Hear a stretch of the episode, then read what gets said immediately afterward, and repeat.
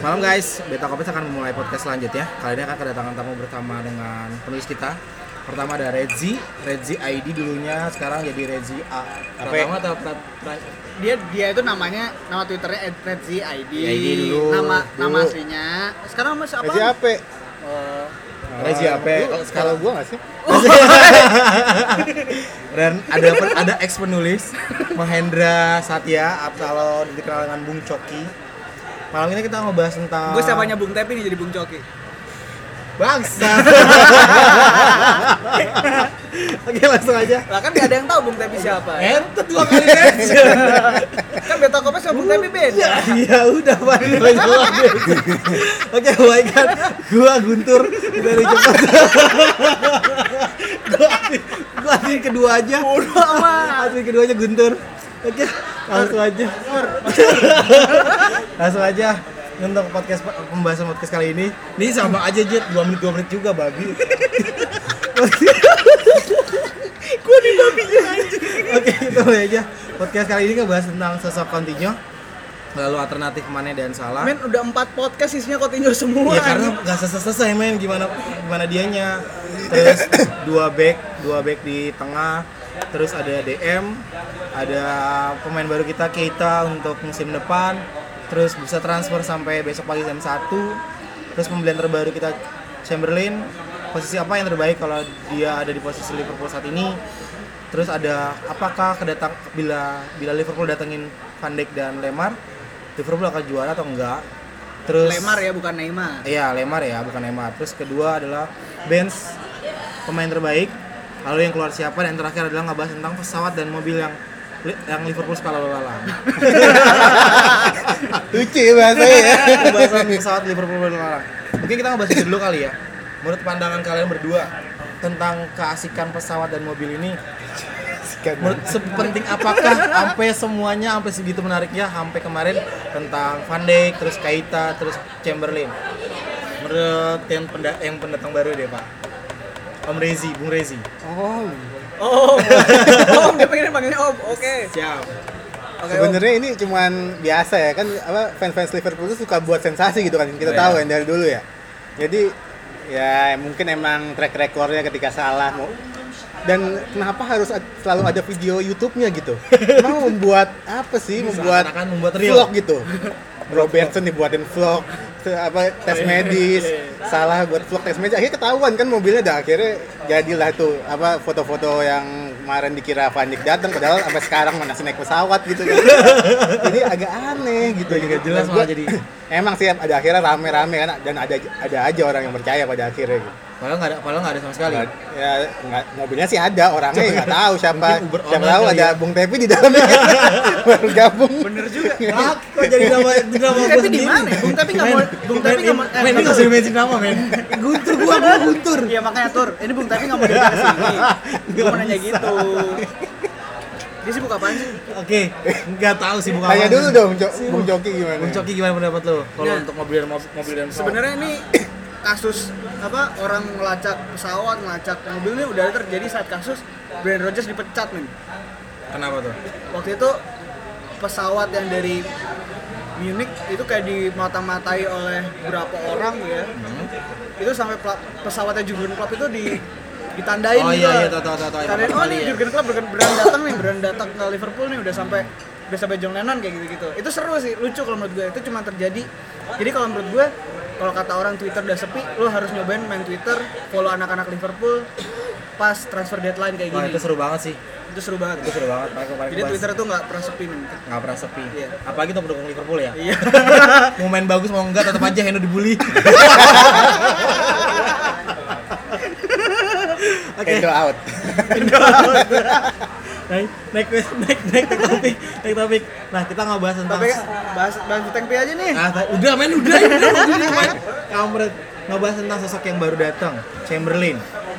Oke. Nah, Bung Tepi datang tuh. kampret men tuh udah lewat bukan siapa siapa men kampret men. Tentang ngebahas tentang Chamberlain. Menurut gua menurut gua adalah sosok Chamberlain ini adalah kita gue sempat ngeliat video yang nggak usah video deh kemarin gue melihat video Arsenal lawan Liverpool yang kita lihat tahu kalah 4-0 dengan Chamberlain main dan sekarang dibeli Worth it nggak sih menurut kalian? Bocah.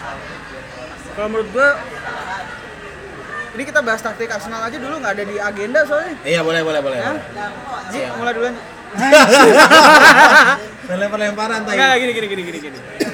Kalau lawan lawan Arsenal tuh asik ya. Arsenal tuh selalu jadi lawan yang asik Oke. buat tim-tim macam Liverpool. Kenapa tuh? Karena kalau menurut gua Arsenal tuh tim yang salah satu tim yang naif di Liga Inggris, ya kan? Kalau lo lihat Hoffenheim naif mainnya dibantai, Ya. ya kan? Arsenal tuh juga mainnya juga mirip-mirip lah 11-12 nggak tahu cara bertahan lah mereka tuh. Makanya bikin bikin main bikin nonton bola jadi seru gitu. Mereka pakai pasang high defensive line tapi berantakan jadinya kitanya ya punya macan-macan di tiga orang di depan tuh kan jadinya dengan mudah ya. Apalagi Emre Can juga kemarin jadi Sosok yang buas. jadi traktor lah istilahnya. Itu aja dari gue. Maksud gue ini ke Chamberlain itu apa ya jadinya? Oh, Chamberlain ya? itu seorang jadi sebenarnya menurut gua Nah. yang salah dari Arsenal adalah mereka terlalu atraktif gitu mindset atraktifnya Wenger tuh nggak bisa hilang jadi Iya, iya, Liverpool itu paling seneng kalau ngelawan eh, apa tim-tim yang kayak gitu karena ketika mereka nyerang ya kita lihat sendiri waktu misalnya Arsenal baru menyerang sekali dua kali serangan baliknya gol Iya. jadi emang bener-bener backnya hancur banget sih Lawan yang disenangi ya. iya. Lawan favorit. lawan favorit untuk sementara ya kita nggak tahu ntar ketika Wenger masih bertahan Nah. Ini ngebahas tentang Liverpool dan Arsenal kemarin. Enggak kalau kalau lo ngebandingin ya pertandingan sama-sama di Anfield. Oke. Bayangin Arsenal ba- bandingin sama Crystal Palace. Lebih susah Crystal Palace kan dijebolnya daripada Arsenal. Nah, sebenarnya ya Arsenal memang lawan favorit sih dengan cara mainnya kayak gitu. terus nggak nggak nyambung gitu Terus sama pertanyaannya Chamberlain, yang pertanyaan gue Chamberlain tuh Iya apakah juga ya. worth it kan dibeli Liverpool kampret. Anjing kok dibuat kesel ya tadi. Enggak gini gini gini. Jadi kan emang banyak orang yang nanya gitu ketika Wenger dalam empat laga Arsenal nih eh, di Premier League ataupun di Europa League apa playoff Europa eh kok playoff sih Europa League dia udah main belum sih? Lupa gue. Udah udah udah. Udah kan belum belum belum ya? Arsenal udah main belum sih Europa League? Belum belum belum. Pokoknya Cam- Cambu selalu jadi starter kan, tapi di situ dia jadi wingback. nah, kenapa Cambu jadi wingback ya itu dia.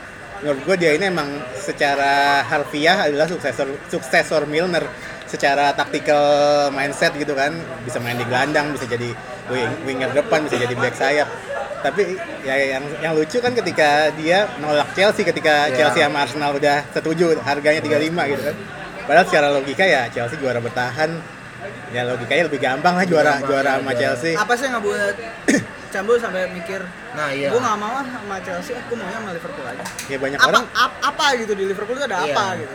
sebenarnya lebih karena posisi itu karena menurut yang gue baca ya nggak tahu ini belum belum ada sih per- pernyataan klub yang bilang bahwa dia akan jadiin Cambo gelandang tapi emang banyak berita bahwa Liverpool akan memplot Cambo sebagai gelandang ataupun apa eh, pelapis salah atau mana gitu jadi bukan untuk jadi wingback dan itu menurut gue yang jadi salah satu alasan dia lebih milih Liverpool karena di Chelsea dia nggak mungkin main di tengah kita lihat di Chelsea te- tengahnya siapa aja Kante. Fa- Fabregas Kante eh, segala macam Bakayoko. mati aja kalau kebuang. dia kan. pasti jadi pelapisnya Moses cuy Anjay jadi.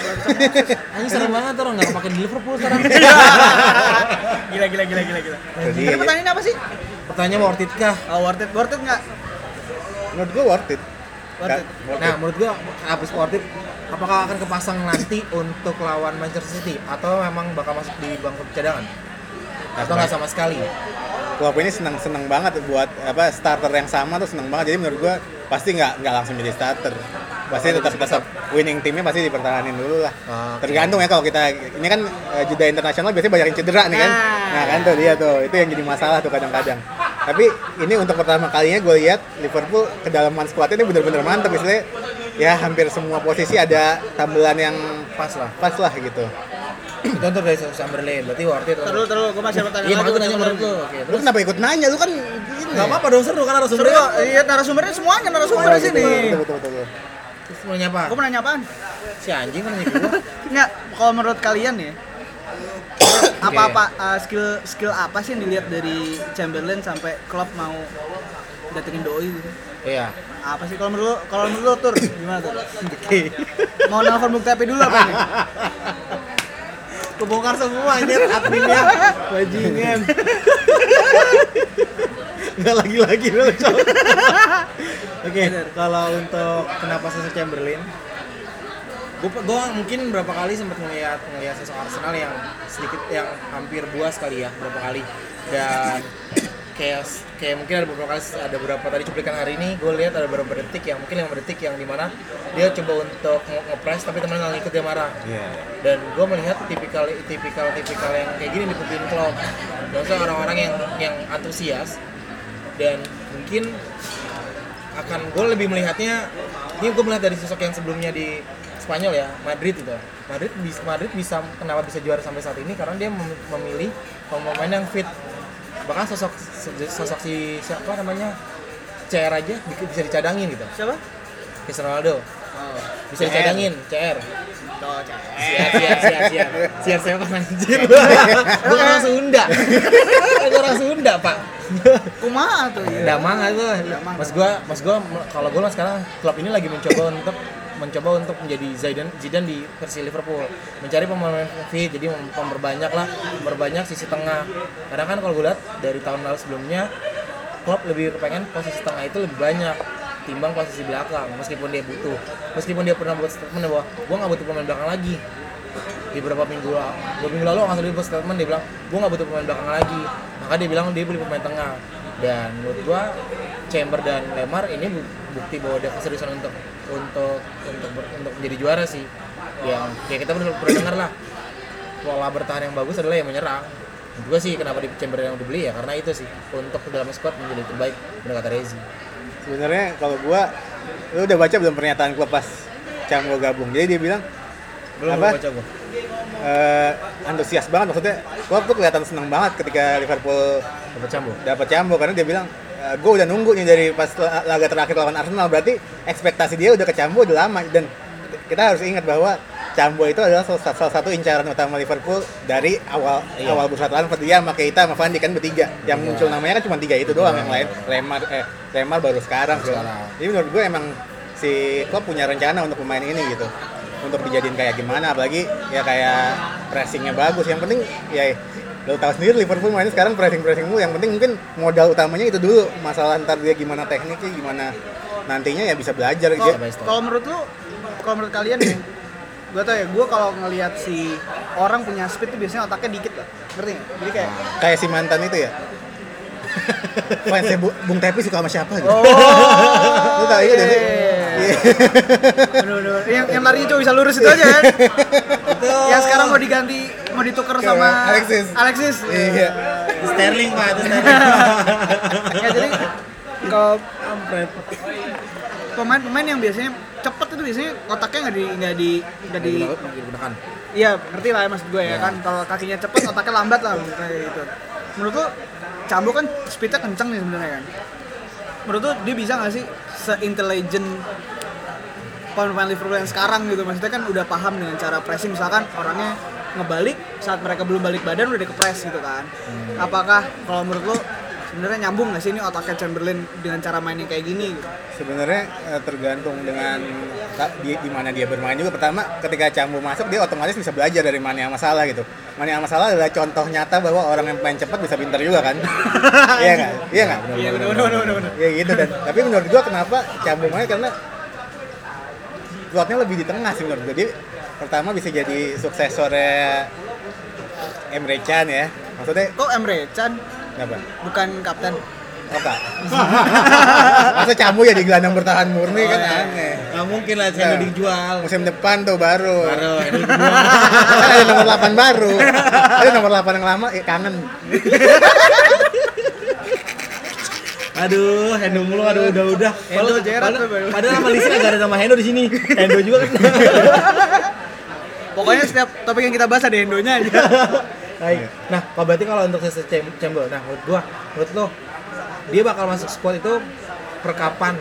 Per tiga match setelah ini atau kapan? Lawan City masuk tapi jadi cadangan maksudnya pengganti kayaknya. Entar, Nah, entah dia. mungkin lah itu tiga. Ntar kan ketika Liverpool udah menang 3-0 baru masuk gitu kan. Anjay, tiga kosong. Optimis men. Sorry gue jadi bukan tim pesimis lah ya. Lo kapan lagi bisa denger Eji kayak gitu, men? Gue udah tuh orang berubah. Pertama Rezi Heartland, sekarang Rezi. Podcast ini bener-bener bikin orang hijrah men. tahun, dua tahun lalu Rezi itu orang jadi orang antus, orang-orang Orang-orang dibenci karena dibenci karena dia selalu dia selalu nge-tweet bilang ah Liverpool kalah nih kebobolan mulu nih pasti 3-2 atau dan lain-lain atau enggak gue nggak nonton Liverpool pasti menang masih gini gitu loh dan kalau Heartland ya tahu sendiri lah mencibir mencibir mencibir pemain sekarang berubah gara-gara Endo jelek jadi ya menurut, menurut gua semua bisa berubah men. Oke nah menurut gua alternatif alternatif pengganti Mane dan Salah kalau memang seandainya seandainya mereka memang capean atau ya jangan sampai cedera sih menurut gua. Tapi menurut kalian siapakah kalau mereka berdua nggak main terus siapa yang tepat menggantikan mereka? Cambo lah. Ya kecepatan sih buat Cambo eh menurut lu Cambo kenapa? nggak, kenapa Cambo ya? soalnya speednya kenceng men walaupun gue nggak tahu Cambo tuh gue nggak pernah lihat dia main secara langsung gitu kan sebagai fans gitu maksud gue ya gue nggak mendalami cara mainnya kayak gimana gitu cuman kalau orang yang bisa main di beberapa posisi itu biasanya otaknya pintar pertama yang kedua dia punya speed punya power badannya kan gempal tuh kayaknya punya kayaknya punya power gitu kan Iya. ya menurut gue satu-satunya pemain yang punya speed bisa ngalahin Mane sama Salah ya Cambo. Ada sih satu lagi.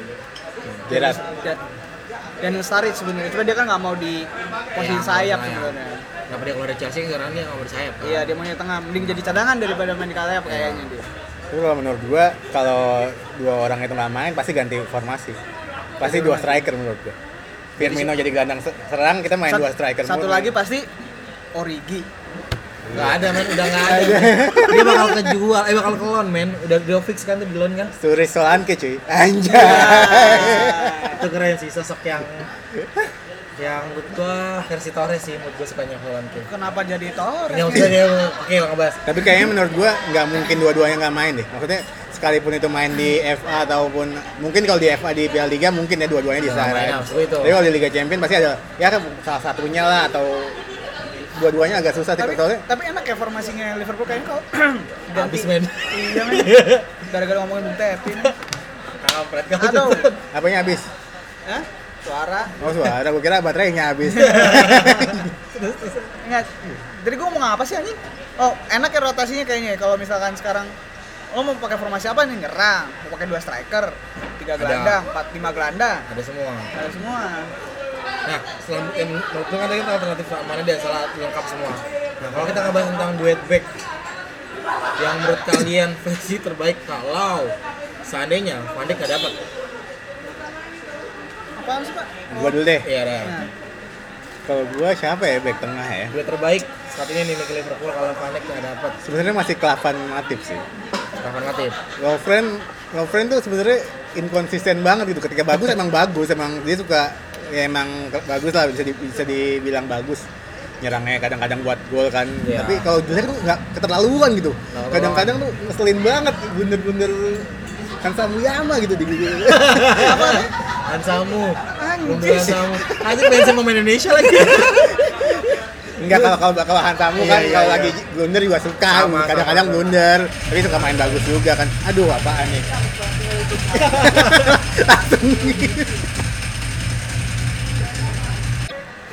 ya, tadi kita kita bahas tentang sosok dua back. Kalau menurut lu, Cok? Matip Lovren.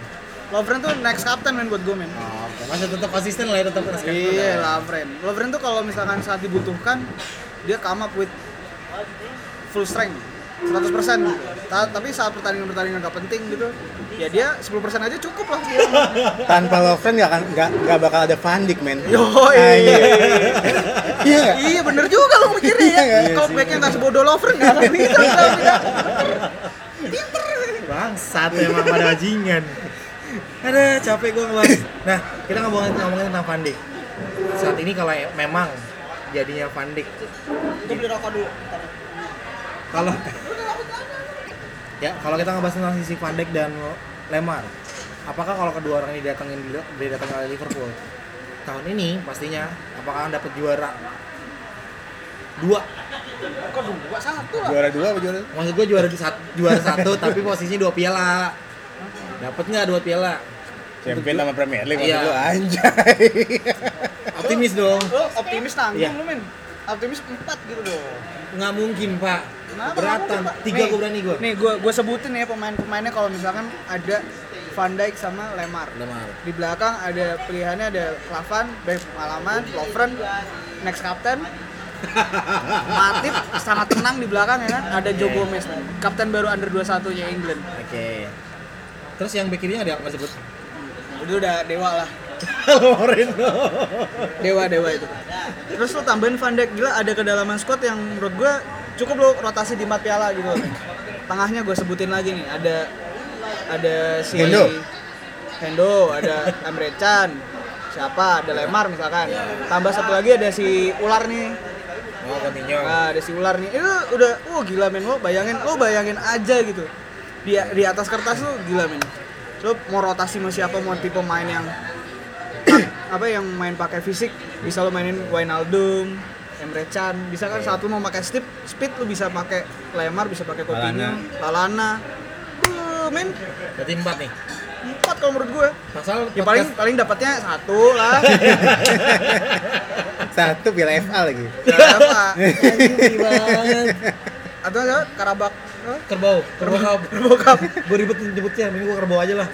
Nah, kalau menurut lu, berapa piala dan piala apa yang bisa dapat Liverpool? Buat gue piala-piala lain tuh nggak penting selain Premier League men. Ah, oke.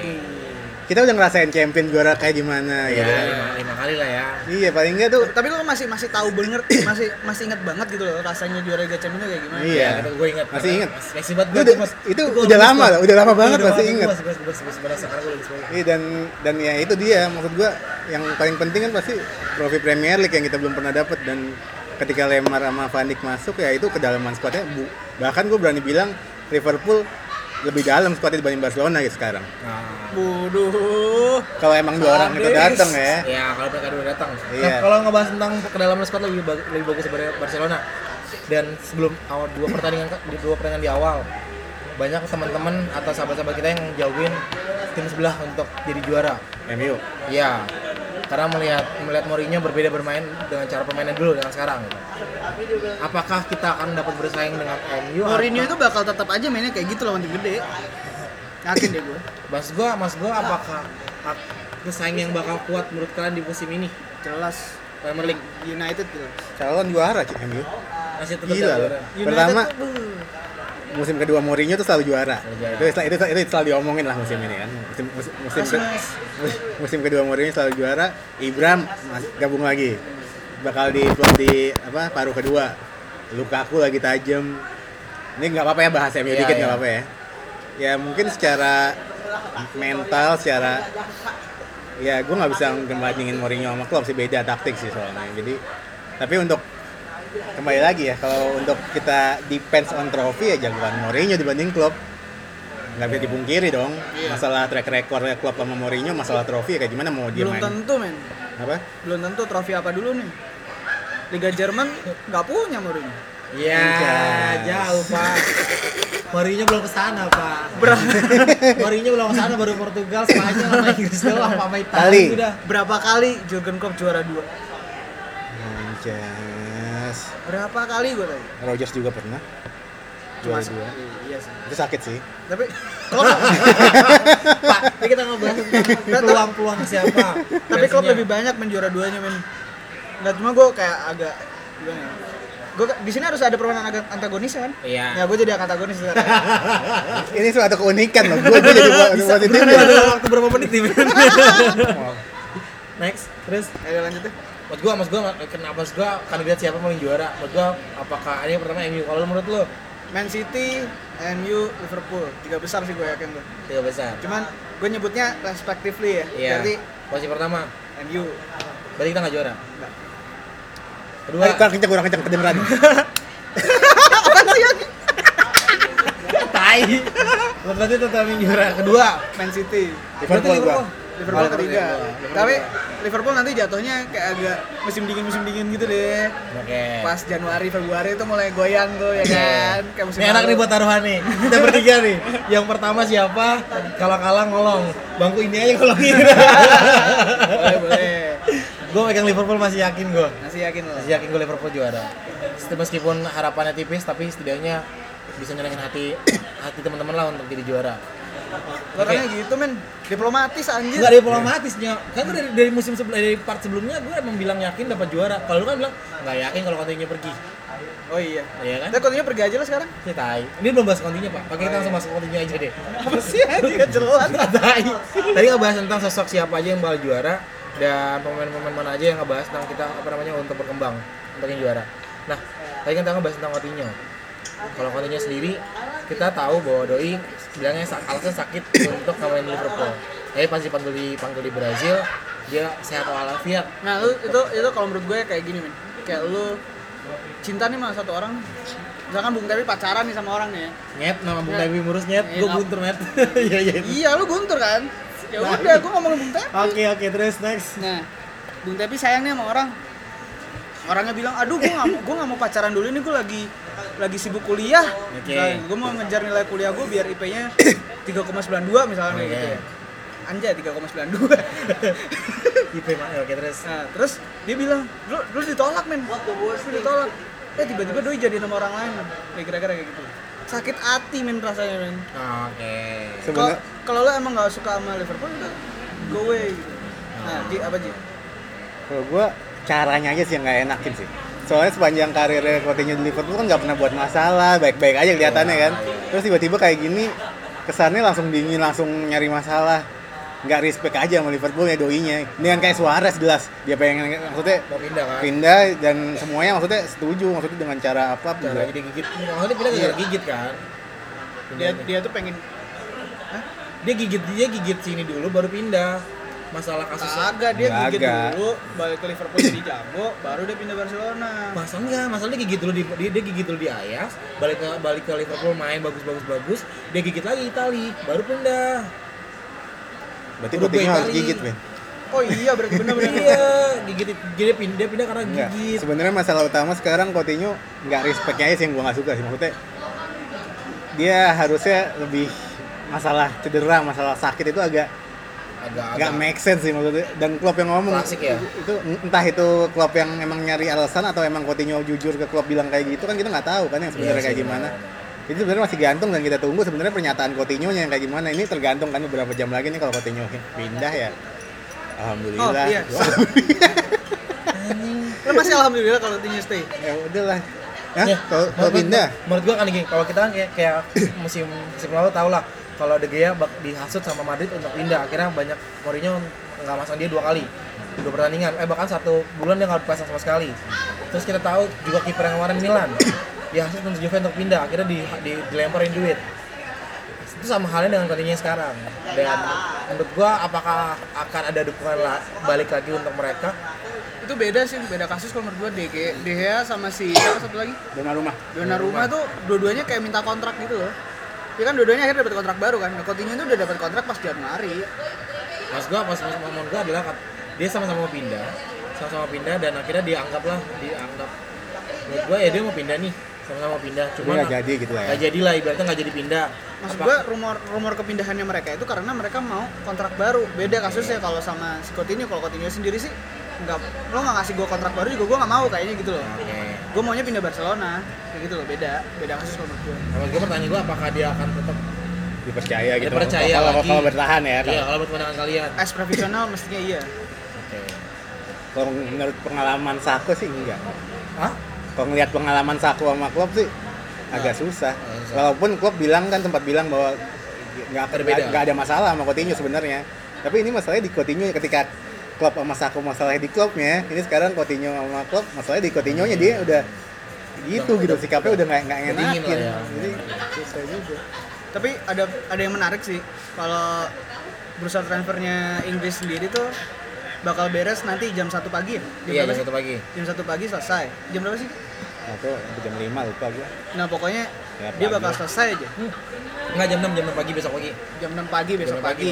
Nah, itu si eh, La Liga baru beres 24 jam setelah BPL tutup. Jadi mereka masih masih satu hari. Nah, jadi mereka bisa masih bisa beli beli pemain gitu loh. Which is Coutinho sendiri ya bukan ma- masih masih berharap lah istilahnya Selama satu hari itu. dalam satu hari itu dia bisa ngerampungin kepindahannya ke Barca. Kalau menurut gue sih kayak gitu ya. sebenarnya se- semuanya tergantung sih kita datengin Lemar ini tuh apa serba ber- berterkaitan gitu loh. Ah, duitnya dari situ ya. Lemar Coutinho nih agak kalau Coutinho hengkang Liverpool punya duit logikanya ya. Logikanya punya duit buat Lemar buat minta dia kan si siapa? Monaco minta 92 juta kan. Hmm. kalau Coutinho jual dapat lah segitu. Tapi sebaliknya juga sebenarnya nggak salah juga Liverpool kan kaya Iya juga sebenarnya. kalau punya datengin Lemar duluan. Dan itu lebih aman logikanya kan. Iya, jadi lu mau lepas Coutinho kita udah aman kok udah punya pemain nggak penggantinya gitu. Udah nggak perlu takut lagi lah ya. Kalau dari sikapnya PSG kemungkinan besar sih kayak gitu ya.